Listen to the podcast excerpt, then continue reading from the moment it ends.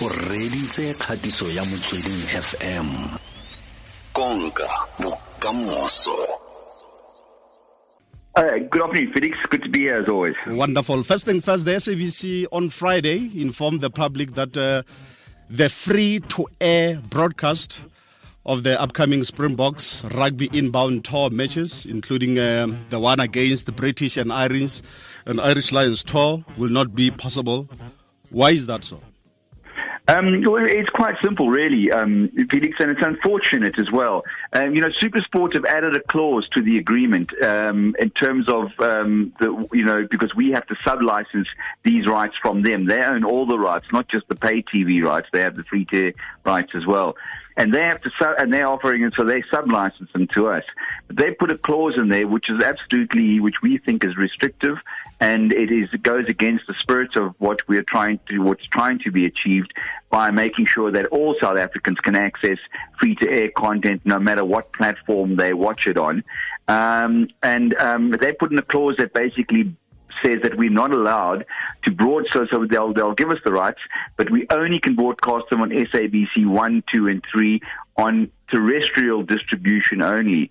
So, in other words, if people are actually accessing their um, SABC 1, 2, or 3 on, say, OpenView or Telkom 1 or on a DTH so signal from uh, um, Sentech or whatever the case may be, then you we would not be allowed to make it available on those platforms to people. And even worse than that, they've also said that we cannot put the content onto our new SABC Sports channel, which we've, you know, we just launched now and it's it's on air and it's up there. It's on OpenView. It's on our DTT box. They they they've said that we can't um uh, we can't put it on there either, basically. So they put really restrictive clauses into this con- a really restrictive clause into this contract, which, con- con- contract, which they're offering us, that um, really means that, that, that we are going to be limited in terms of what we can do with it. But more importantly, it's going to be limiting us because it's a three-year contract. Yeah. That come 2022, when we go to digital migration is complete and all the analog channels are switched off, then we are going to be very limited in terms of the, the, the, people that could actually then start what to still be able to watch the SuperSport content, the, the next rugby tours, basically. Yeah, this is funny, Gary, because uh, the Springbok matches are defined as the national sporting events by ICASA, exactly. and that free-to-air broadcasters are mandated by the regulator to, to make these events available.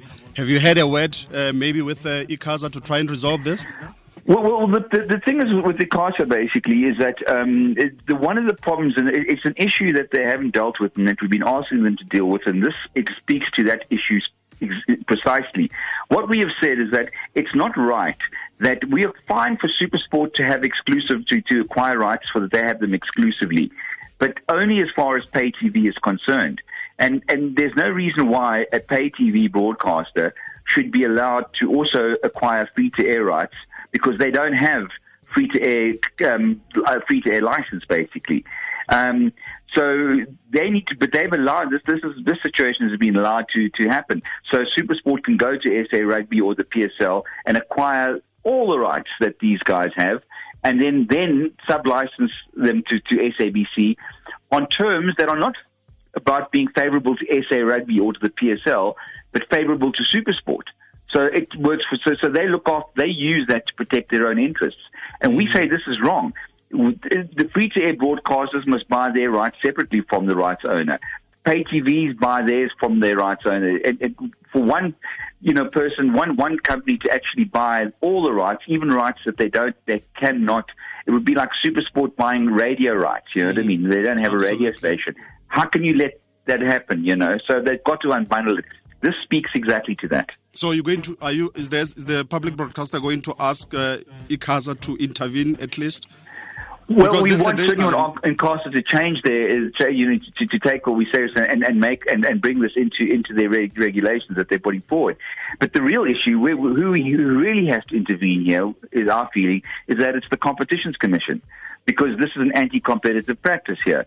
Is that they're actually they they're now putting restrictions on our ability to grow both our um, you know our distribution network and grow our sports channel, and these are all really important things for for the SABC to become more effective, reach a wider audience, and become more you know better, more commercially stable.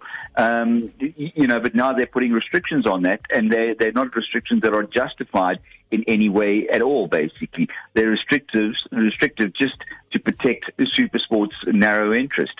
So we think that this is an issue that needs to be addressed by the Competitions Commission. Yeah.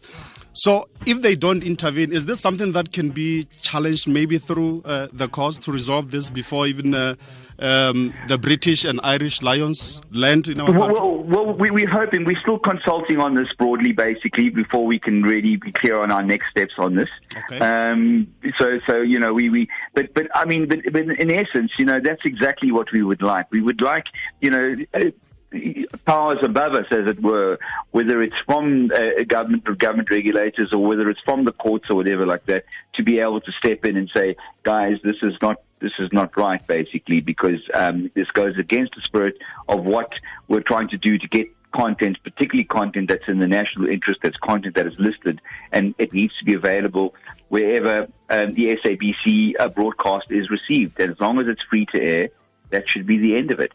So we're hoping that we uh, we we have spoken, we have gone to SuperSport and asked them to please change, take it out, and we we we've, we've asked them to consider it, and they've said no, they refuse to consider it, and they're not going to change it. So this is why, unfortunately, we now have to start looking at what next steps we can take.